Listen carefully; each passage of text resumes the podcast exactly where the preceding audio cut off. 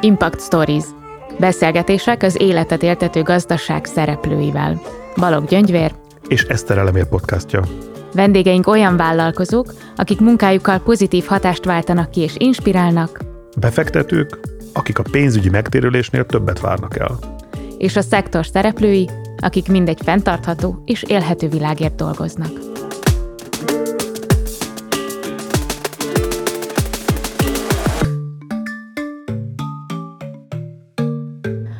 Az Impact Stories podcast előző részeiben feltérképeztük a társadalmi és környezeti hatás témáját vendégeinkkel, akik számos izgalmas és inspiráló személyes történetet osztottak meg velünk. Például egy traderből lett angyal befektető, aki most a saját társadalmi vállalkozásán keresztül nyitja meg a programozói karrier útját siketek és nagyot hallók számára vagy épp egy ex-szervezetfejlesztési igazgató, aki munkájában kiégett, és valami olyat szeretett volna csinálni, amire a gyermekei és az unokái is büszkék lehetnek. Így lett az Impact Hub alapítója. Mai vendégünk életútja is tele van hullámvölgyekkel és fantasztikus hegycsúcsok megmászásával. Több mint nyolc évvel ezelőtt találkoztam először Váci Rozival, aki mára egy közel 50 főnek munkát adó vállalkozást épített föl. Nem is szükséges hosszan bemutatnunk őt, hiszen hatalmas lelkesedéssel mesél a matyó hímzés reneszánszáról, a hazai divatiparról és a tardi asszonyok történetéről.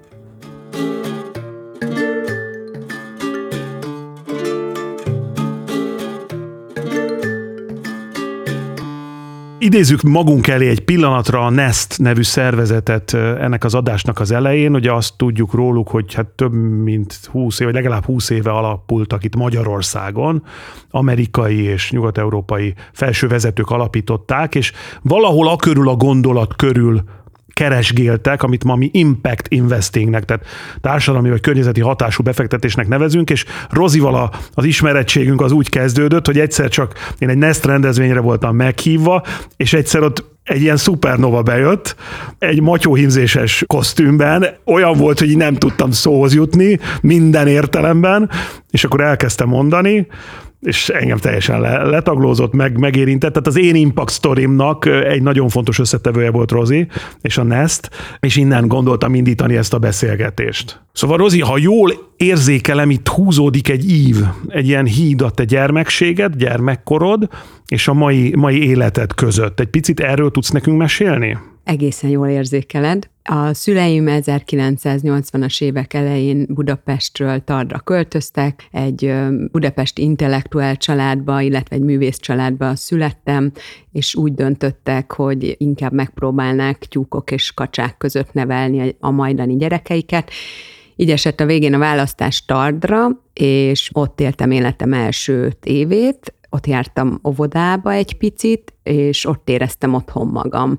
És aztán, mikor a legidősebb bátyám iskolás lett, akkor visszaköltöztünk Budapestre, és onnantól kezdve az új Lipótvárosban éltünk minden nyáron, minden szünetben mindig, mindig, mindig Tardra vittek minket a szüleink, tehát nem volt Balaton, nem volt tengerpart, semmi nem volt, hanem nekünk mindig Tard volt a nyaralásunk, és mindig tardi emberek úgy néztek és úgy fogadtak bennünket, mint hogyha mi is tardiak lennénk, és azzal a mondattal köszöntek nekünk az utcán a biciklis nénik és bácsik, hogy itthon vagytok.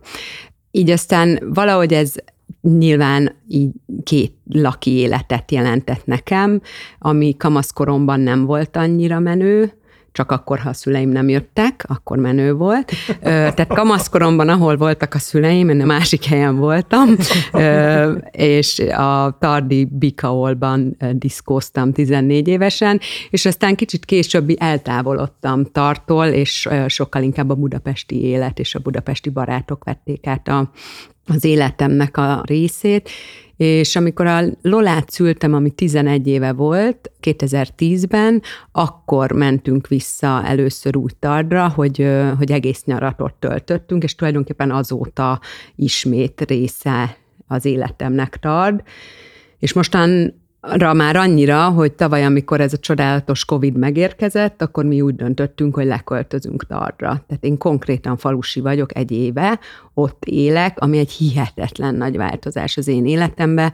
Én nem vagyok egy otthon ülős, hímezgetős fajta, én azt szeretem, ha nagyon sok dolog történik, nagyon-nagyon erős tempóval tudok létezni és élni, úgyhogy viszonylag nagy kihívás volt az elmúlt egy év nekem. Mielőtt erre a kihívásra reflektálnék, mert nyilván ez sokaknak volt kihívás, de valójában a te professzionális életed, vagy a karriered, vagy a, a munkád is tarthoz köt most már, ha jól tudom. Igen, 2010-ben a Lola születése után azt szokták mondani, hogy a nők életében a terhesség mindig hoz egyfajta kreativitást is. Ezt sok helyen hallottam. Nekem a mind a két gyermekem születése után volt egy évig szülés utáni depresszióm, tehát nagyon-nagyon nehéz időszakot éltem meg, úgyhogy az nem hozott kreativitást, hanem totális bezártságot és borzasztó állapotot hozott, viszont valahogy ezután a depresszió után után mind a kétszer nagyon-nagyon erősen álltam föl, és a Lola után, az első gyerekem után, amikor fölálltam, akkor ö, jutott eszembe a Matyó Designnak az ötlete, és hogy azok a himzések, amik között én tulajdonképpen gyerekként is felnőttem, valahogy akkor tűntek fel nekem, hogy akkor láttam meg a szépséget bennük, és láttam meg azt a lehetőséget, hogy esetleg nem csak poliészter asztalterítőkre lehetne ezt hímezni, hanem bármi olyanra is, ami, amit, amihez az ember szívesen nyúl, amit szívesen hord. És akkor ez most, ez mondható az, hogy a, a te gyermeki éned teljesedik ki most a te álom vállalkozásodban, vagy ez, ez, ez inkább egy lehetőség, amit az előbb mondtad, amit megragadtál? Szerintem, hogyha nem éltem volna Tardon, akkor több szempontból sem tudnám ezt az üzleti vállalkozást így csinálni. Szerintem nagyon-nagyon fontos, és a falu szempontjából, hogy ott nőttem föl, mert hogy egy ilyen pici faluban ezer fő a mostani lakosok száma, nagyon fontos a hiteled, hogy, hogy téged befogadjanak és elfogadjanak. Ez nyilván még most is nehéz. Ebben segített az, hogy te ott nőttél fel? Az is segített, és az is, hogy az édesapám meg az édesanyám is pedagógusok voltak, és ők a Tardi iskolában a 80-as években elkezdtek valami egészen speciális pedagógiai módszert, amit tulajdonképpen ma Budapesten próbálnak egyes alternatív iskolák, picit a finn oktatásra emlékeztetve, tehát hogy ők egy egészen szabad dolgot vittek oda, és ez az akkori gyerekeknek, akik ma már 40-50 évesek, hatalmas élmény, és azóta tulajdonképpen őket ö, istenítik ezek az emberek. És mit szólt Rozi a, a falu, meg a közösség ahhoz, hogy te odavittél egy hatalmas nagy média figyelmet azzal, hogy megalapítottad ott a Matyó Designt, és, és aztán a Matyó Tours-t, ez hogyan volt? Hát ez folyamatosan történt, tehát nem az történt, hogy megalapítottuk a Matyó dizájnt, és másnap kopogtattak az ajtón. Szép lassan kellett nekik is ezt befogadni, meg nekem is ezt megtanulni, kezelni. Mint mindenhol és minden közösségben szerintem vannak az építők, és vannak a rombolók, és szerintem azok, akik az építők nyilván nagyon örülnek, és lehetőséget látnak benne, de vannak biztosan olyanok, talán ők kevésbé érnek el hozzám, akik nem feltétlenül mernek ennek örülni, vagy irítséget, féltékenységet éreznek. Voltak, vagy vannak, vannak ott Ö, irigyek? Az az mindenhol vannak irigyek, egy faluban pedig nagyon-nagyon zárt a közösség ahhoz, Közel hogy igen, igen, még közelebb, mint igen. gondolnák. De a mindennapokban hozzám a pozitív visszajelzés jut el a faluban, a negatív kevésbé. Ma miképpen tekintesz a Matyó dizájnra? Ugye, ahogy a Gyöngyvér is említette, nagyon sok új gondolat, nagyon sok új ötlet, nagyon sok új, új hogy mondjam, applikáció született a, a Matyó Designból. Ma mi a Matyó Design? Amikor elindult a Matyó Design, akkor nekem nem az volt a célom, hogy egy üzleti vállalkozást építsek, amiből majd megéljek. Nem voltam tisztában a társadalmi vállalkozás fogalmával sem, hanem inkább ott voltam ebben a közösségben, ahol láttam, hogy az emberek mennyire kevés pénzből milyen tisztességesen élnek. És nekünk kicsikorunkban voltak dadáink, akik amíg a mamáik tanítottak az iskolába, vigyáztak ránk, minden gyereknek más dadája volt.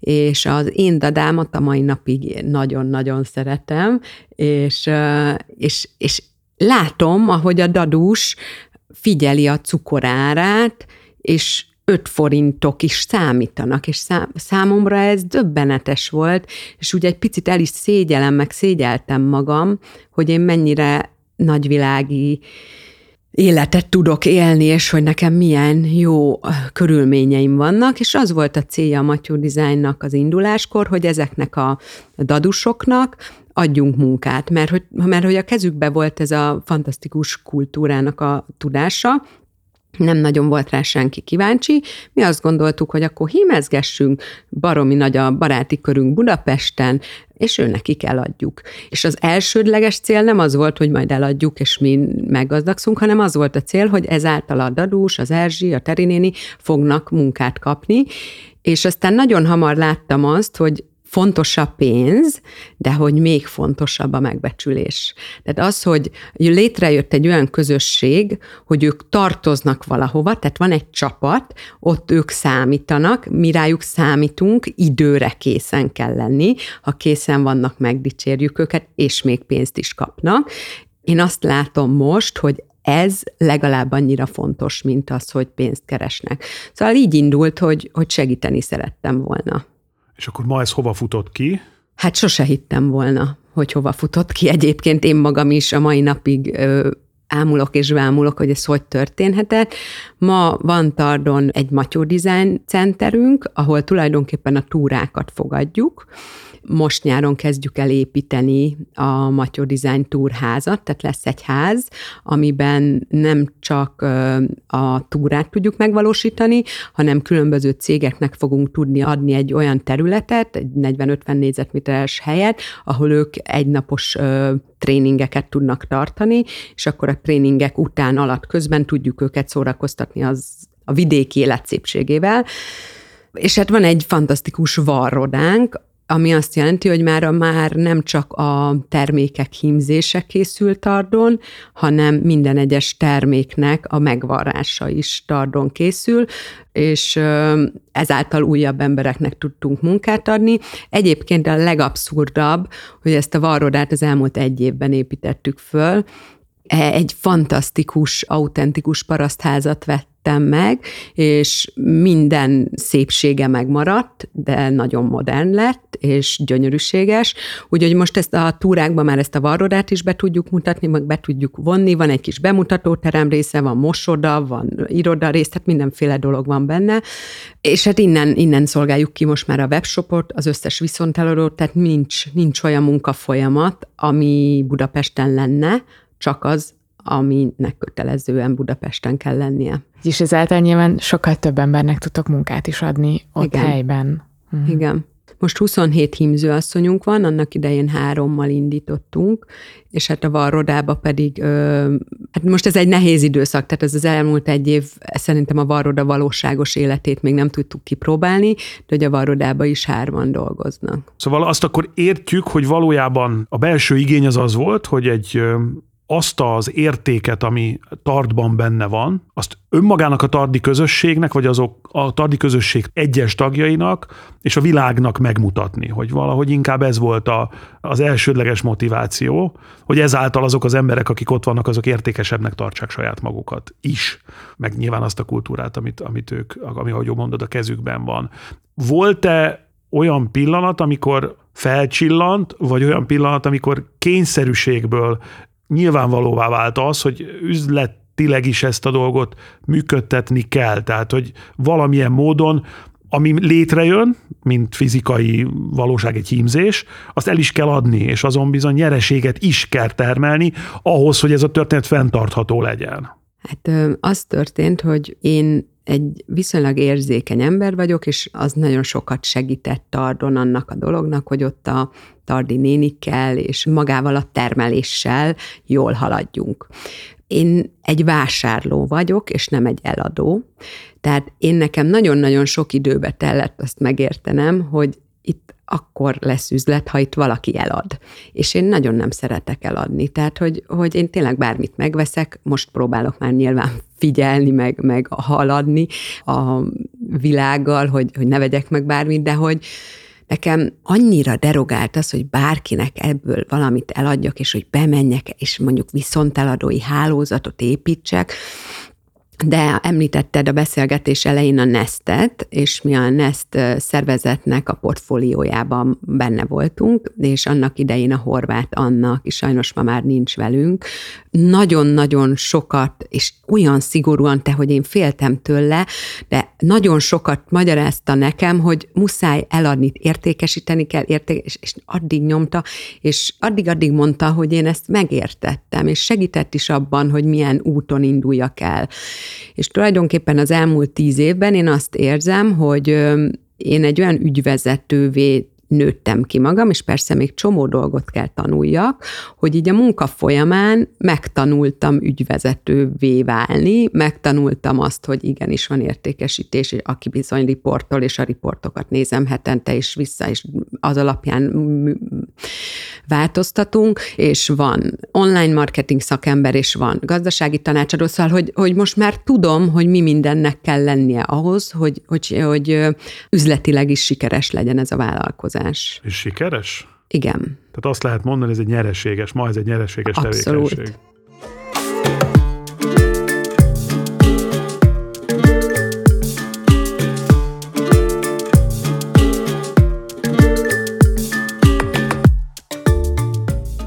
És mi a, mi a helyzet a, az úgymond utánpótlással? Tehát ha a Marikák, Erzsi nénik mm-hmm. egyszer azt mondják, hogy már nem tudnak tovább hímezni. Olyat ők nem mondanak egyébként, tehát hogy, hogy szerintem a halál fogja őket elválasztani a hímzőtűtől, csak és kizárólag.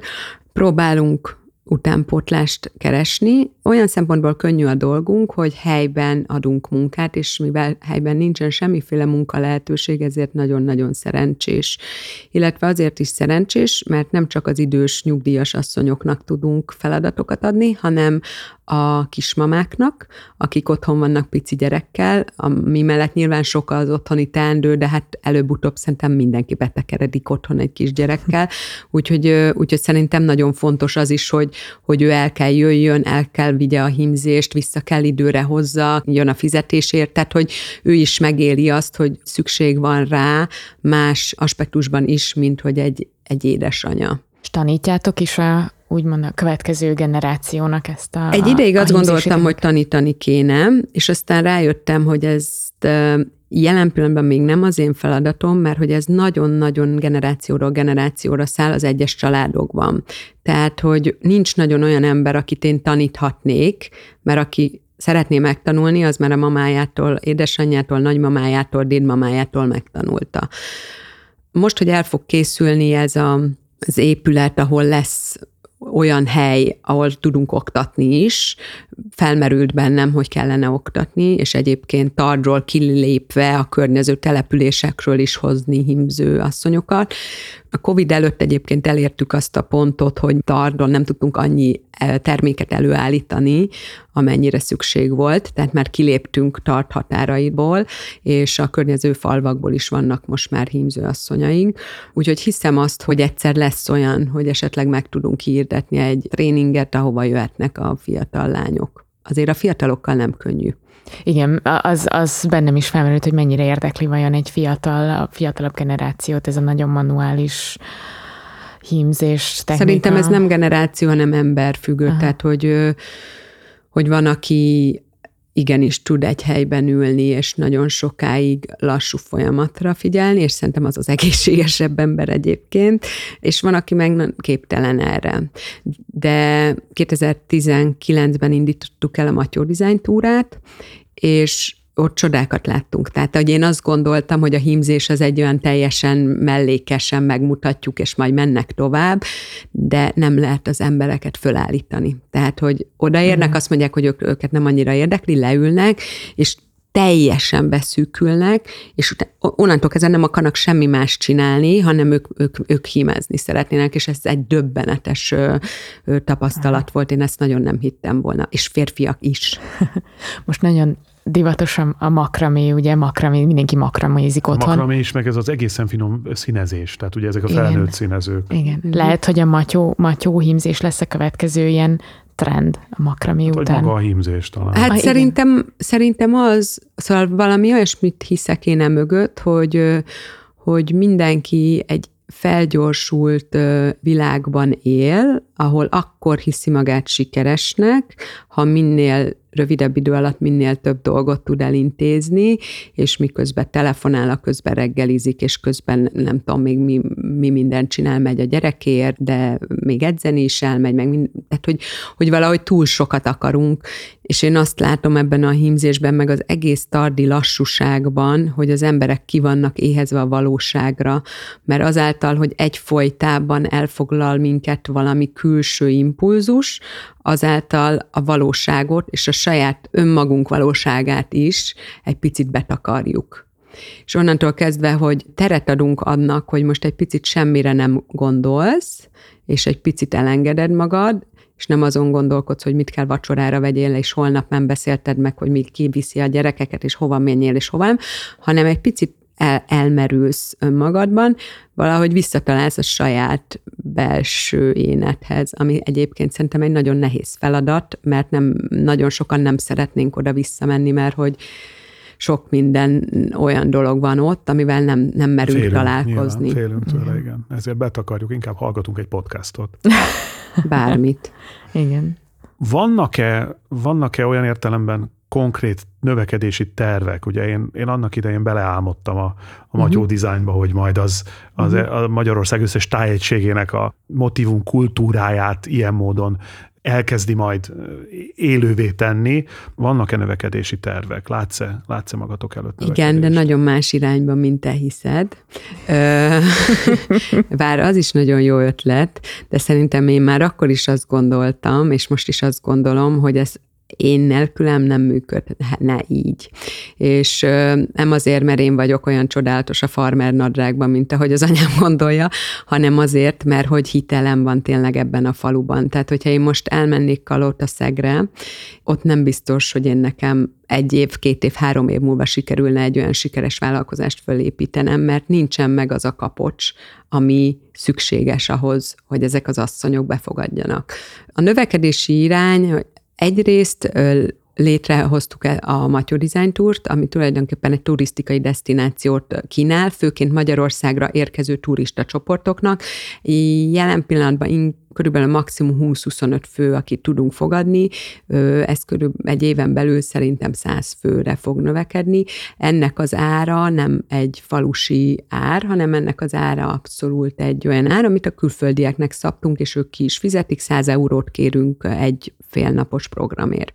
Ezt, amikor elindítottuk, akkor hírt, egyébként a sógornőmmel indítottuk el, ő segít nekem főként a Matyó Design túrába, Cakó Zsófi, és amikor elindult, akkor akkor én gondoltam, hogy ez tetszeni fog, hiszen annyi budapesti jól menő vállalkozást vezető ismerősöm van, meg, meg a színészek, meg a nem színészek, és jöttek le, és mindenki úgy távozott tőlünk, hogy csak egy marikát adjak nekik, csak egyet hogy van ott valami olyan, amit, amit az ember gyerekkorából őriz, az a, az a nagymama kép, a, aki több cukrot rak a limonádéba, akinek finom a sütie, aki meg... Szilvás bukta. Na, azaz. Szóval mindenkinek van egy ilyen képe a nagymamájáról, és tulajdonképpen ezt találod ott meg. És ez annyira szerethető, és a nénik annyira szerethetőek, hogy ez a program katartikus sikert alatott. Én ezt sose hittem volna, de koreai hatalmas cégek vezetői utaztak le Bécsen keresztül Tardra, és ott egy ilyen kórai nyolcas csapat jött, ment, érted, hogy, hogy ezt ők ajánlják, kínaiak, amerikaiak, spanyolok, tehát totálisan ö, nagyon-nagyon-nagyon meglepően jól sikerült, és aztán azt is nyilatkozták nekünk a Magyar Turisztikai Ügynökségen keresztül, hogy ez az elmúlt tíz év legnagyobb dobása ez a program, amit mi kitaláltunk. Úgyhogy az a fejlődés irány, hogy egyrészt viszonteladói hálózatot fenntartunk, jelenleg 35 viszonteladónak árusítjuk a termékeket, az megmarad, és ha és amennyiben látunk olyan üzleteket, akik megértemlik, kölcsönösen megértemeljük egymást, akkor visszük nekik a termékeket, illetve a Matyó Design túrákkal kapcsolatban értékesítünk is, tehát az odajövő 20 amerikai turista az nem csak a túrát vesz részt, hanem utána a bemutató termünkbe tud vásárolni, és mivel ő addigra már teljesen megérintődik a nénik által, úgy távozik, hogy ad, akár adott Vinni esetben... akar egy darabkát magával. Hát nem egyet, egyet vagy tizet, és azt És és, tizet. igen, és azt is látja, hogy melyik az a ruhadarab, amit az a néni hímzett, érted? Mert minden darabon rajta van, hogy ki hímeztet. Tehát ő ki tudja választani azt a darabot, amit az ő nénie Az ő hímez. Marika nénie. Igen, és akkor azt el tudja vinni, úgyhogy a fejlesztési irány egyrészt ez a- az épület, amit mondtam, illetve egy olyan matyó design szállás, ahol minimum 20-25 főt el tudunk szállásolni, és ahol ezeket a túrákat úgy meg tudjuk csinálni, hogy nem csak egy fél napra tudjuk fogadni a vendégeket, hanem három napra, és reggel a mi tyúkjaink tojásait fogják enni, és minden helyi és minden a környező utcákból érkezik, és a reggel Marika fogja takarítani a szobájukat, szóval, hogy egy olyan élményt tudnak kapni, amivel nem csak maga a táj tölti föl őket, hanem egy egészen más kultúrával tudnak találkozni. De úgy látom, hogy ennek az egésznek az egyik lényegi pontja ez a kézművesnek mondható jelleg, tehát hogy nem, nem 100 fő, hogy két busz elférjen, hanem 25 fő, hogy az a, az a nyolc koreai jöjjön oda, akinek, akit maximálisan körül tud venni ez az él, élmény, és valóban tud, tud találkozni egy közösséggel, önmagukat valamire tartó igazi emberekkel, igazi Igen. tyúktojással, stb. stb.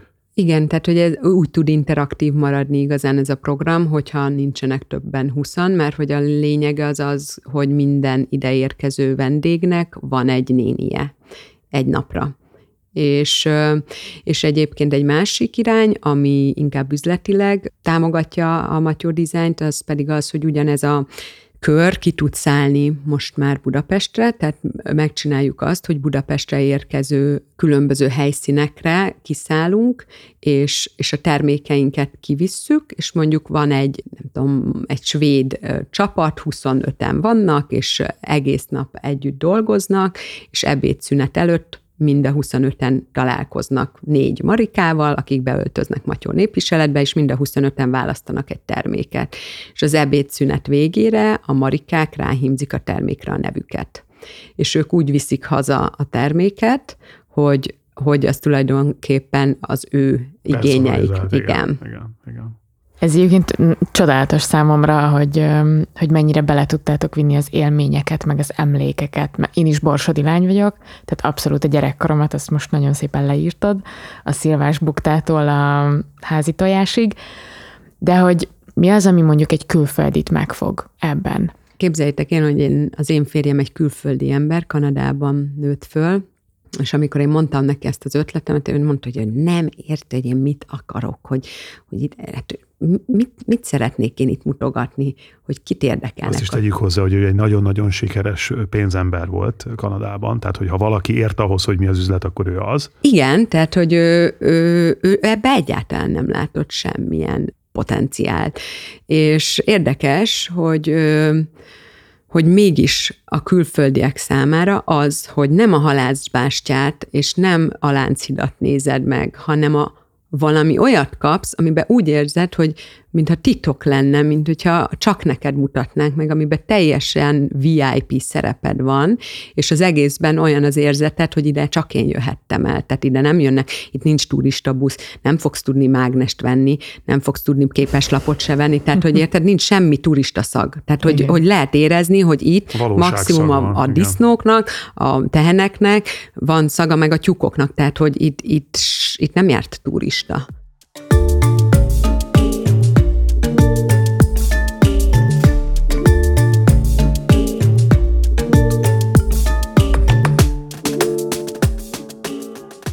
Azt érzem, hogy, hogy valójában a Matyó Design termék értékesítést nagyon jól egészíti ki. Nagyon jól épült rá ez a, ez a turisztikai termék, vagy nagyon jól segíti egymást a turisztikai termék és a, és a fizikai termék. Hogy hogy éltétek túl az elmúlt egy évet? Hát én személyesen alig, és nagyon nehezen, de a Matyó Design elég ügyesen, ami nyilván nekem is köszönhető. Én bennem van egy elég erős megújulás és megújítási vágy, ez valahol zavaró is, mert mindig valami újon törön a fejem, tehát én majdnem mindig van valami új ötletem napi szinten.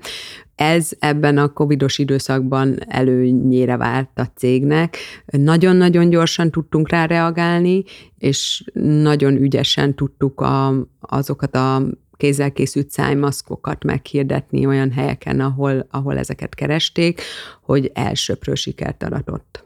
Ez anyagilag is érzékelhető? Tehát, hogy te majdnem belehaltál, de anyagilag a cég növekedett, fejlődött, Igen. eredményesebb volt. Hát az a durva, hogy növekedett, tehát, hogy én ezt tényleg sosem hittem volna. Tavaly márciusban, amikor beütött ez az egész őrület, akkor én azt gondoltam, hogy itt vége. Tehát, hogy, hogy egy járvány alatt ahol egy csomó ember el fogja veszteni az állását, ahol mindenki félni fog, ki a fene fog kézzel hímzett pólókat vásárolni? Tehát, hogy ki, ki, kinek fog egyáltalán eszébe jutni, hogy bármit is vásároljon?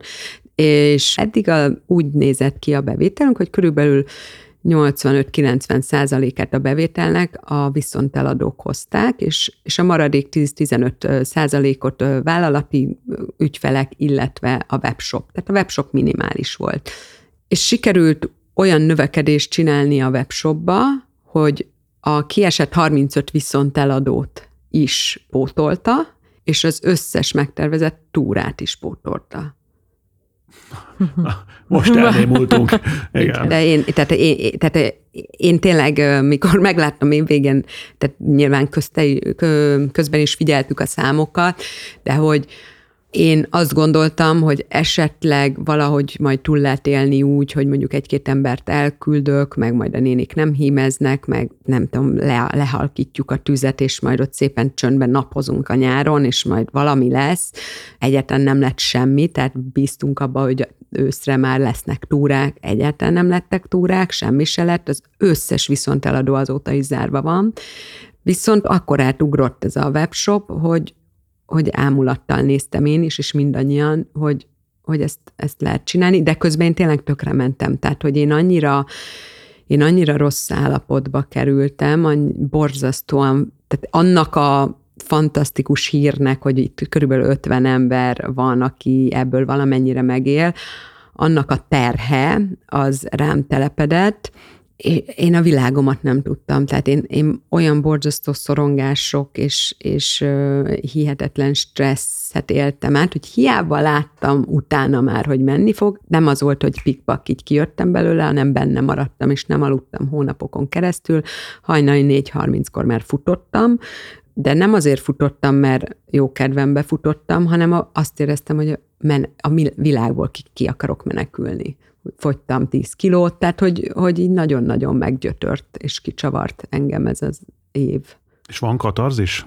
Hát katarzis a varroda, tehát, hogy tehát, tehát miközben ezt csináltam, valahogy mégiscsak megvolt az az erőm, hogy fölépítettem ezt a varrodát, és hát végül is katarzis a 2020-as évvégi Nem beszámoló. kis katarzis, ha jól értem, hogy, hogy mit menetelt a termék a webshopon. És mi motivál most? A megújulás általában, illetve bármilyen célnak a kitűzés és azt elérni.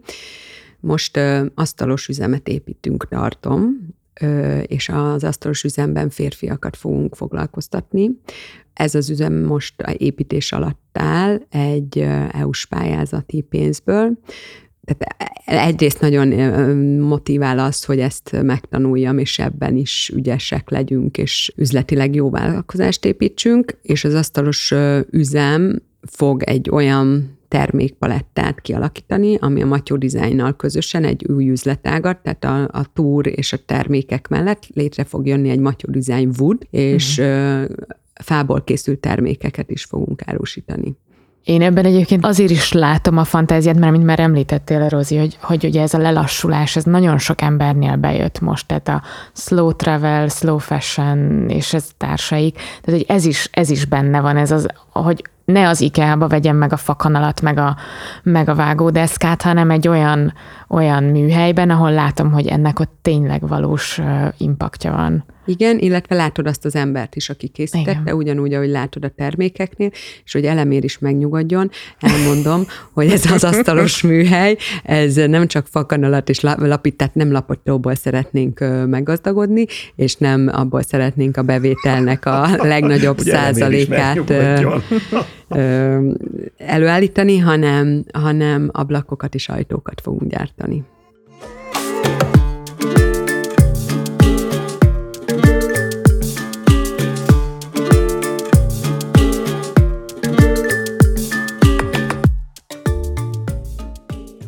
Hogyha visszatekintesz a tíz évvel ezelőtti énedre, mi az, mi az amit, amit másképp csinálnál, vagy amit tanácsolnál annak a Rozinak? De üzletileg kérdezed? Mm. Tegyen meg mindent azért, hogy az Impact Ventures befektes. az később jön egy az a, az a te kérdésed, hogy mi az, amit te máshogy csinálnál. Hát most sok okosságot tudnék mondani, de azt gondolom, hogy nem véletlen az a sok kudarc és az a sok kis siker, hogy ami elvezetett idei, idáig, és vannak olyan kudarcok, amiket ki lehetne venni, de akkor nem itt tartanék, és nem ez az ember lennék. Úgyhogy én hiszek a nehéz pillanatokban, meg a kudarcokban és a felállásban, mert hogy tényleg mindig erősebb, okosabb és ügyesebb leszel utána, még akkor is, ha közben nagyon nehéz és nagyon-nagyon rossz. Tehát megélni azt, hogy hajnali négykor futsz, az, az nagyon-nagyon nehéz hónapokon keresztül, azért borzasztó hangulatban, de hogy igaziból ebből is erősebben jöttem ki, most, hogy már vége van látom, mm. hogy, hogy tulajdonképpen a saját erőm, és azt, hogy én meddig tartok, és mennyi mindent bírok, abból sokat tanultam magamról, úgyhogy én nem szeretnék más, hogy csinálni dolgokat. Ha Tardon ö, vagy, akkor vágyódsz Budapestre? Igen. Tehát akkor még mindig megvan a két lakiság ilyen értelemben. Persze, minden héten feljövök Budapestre. Hogyha nincs feltétlenül olyan megbeszélni való emberekkel, nyilván most mindent online csinálunk, akkor is feljövök, találkozom a barátaimmal, rendelek ételt, amit Tardon nem lehet rendelni, elmegyek manikűrös, tehát olyan dolgokat szeretnék csinálni, ami, ami az itteni életemben volt, anyámmal vacsorázom, szóval vágyom rá, de így, hogy följöhetek, és szabadabb most a világ, így nagyon jó visszatérni Tardra. Ez sokkal egészségesebb, sokkal csodálatosabb életmód az, amit mi ott csinálunk, és a gyerekeimnek meg leírhatatlanul jobb ott, mint itt. És kérdés, hogy ezt a podcastot leadhatjuk-e, mert ezután szerintem mindenki tartra akar költözni. Már minden házat megvettem. Ha jönne az angyal, akkor most mit kérnél? Miket lehet? Bármit. Bármit. Dévényi Tibi bácsi az angyal. Hát, hogy tájföld... De ez hat... nagyon rossz poén volt, ezt vegyük ki, nem tájföld, tájföld határait megnyithatnák például. Én nagyon lennék egy tájföldi tengerparton egy hónapot, azt nagyon megérdemelném, úgy érzem. Ezt nagyon És ezt túlélni a Matyó Design? Persze, túlélni. persze. A, a Matyó Design él nélkülem, tehát hogy Szerintem néha még zavarom is őket. Tökéletesen kiforrott az a mechanika, hogy teljesen elműködik nélkülem a Matyó Design. Hihetetlenül eltökélt mindenki, aki ott van, és nyilván én magam is jól tartom őket, meg nagyon, egy, egy, tényleg egy ilyen családias hangulat van ott, de hogy, hogy szívesen, szívesen jönnek dolgozni, és szívesen vannak velünk velem. Én azt kérném egyébként, hogy fel tudjam építeni ezt a házat, ami még nem tudom pontosan, hogy egy ház, vagy sok kis faház, amit esetleg az asztalos műhely készít el, és ilyen passzív faházak, de hogy, hogy ezt szeretném megvalósítani, de angyaltól függetlenül is megfogom. Azt hiszem. Efelől, efelől nem volt bennem egy pillanatra se kérdés. Ennyi fért bele a mai adásba. A beszélgetésnek itt nincs vége. Folytatjuk az Impact Stories Facebook oldalán, ahol az adásban elhangzott ajánlásokat, hivatkozásokat és a legújabb részeket is mindig megtaláljátok. Eszter Elemér és Balog Gyöngyvér podcastját hallottátok. Találkozunk két hét múlva. Sziasztok! Sziasztok.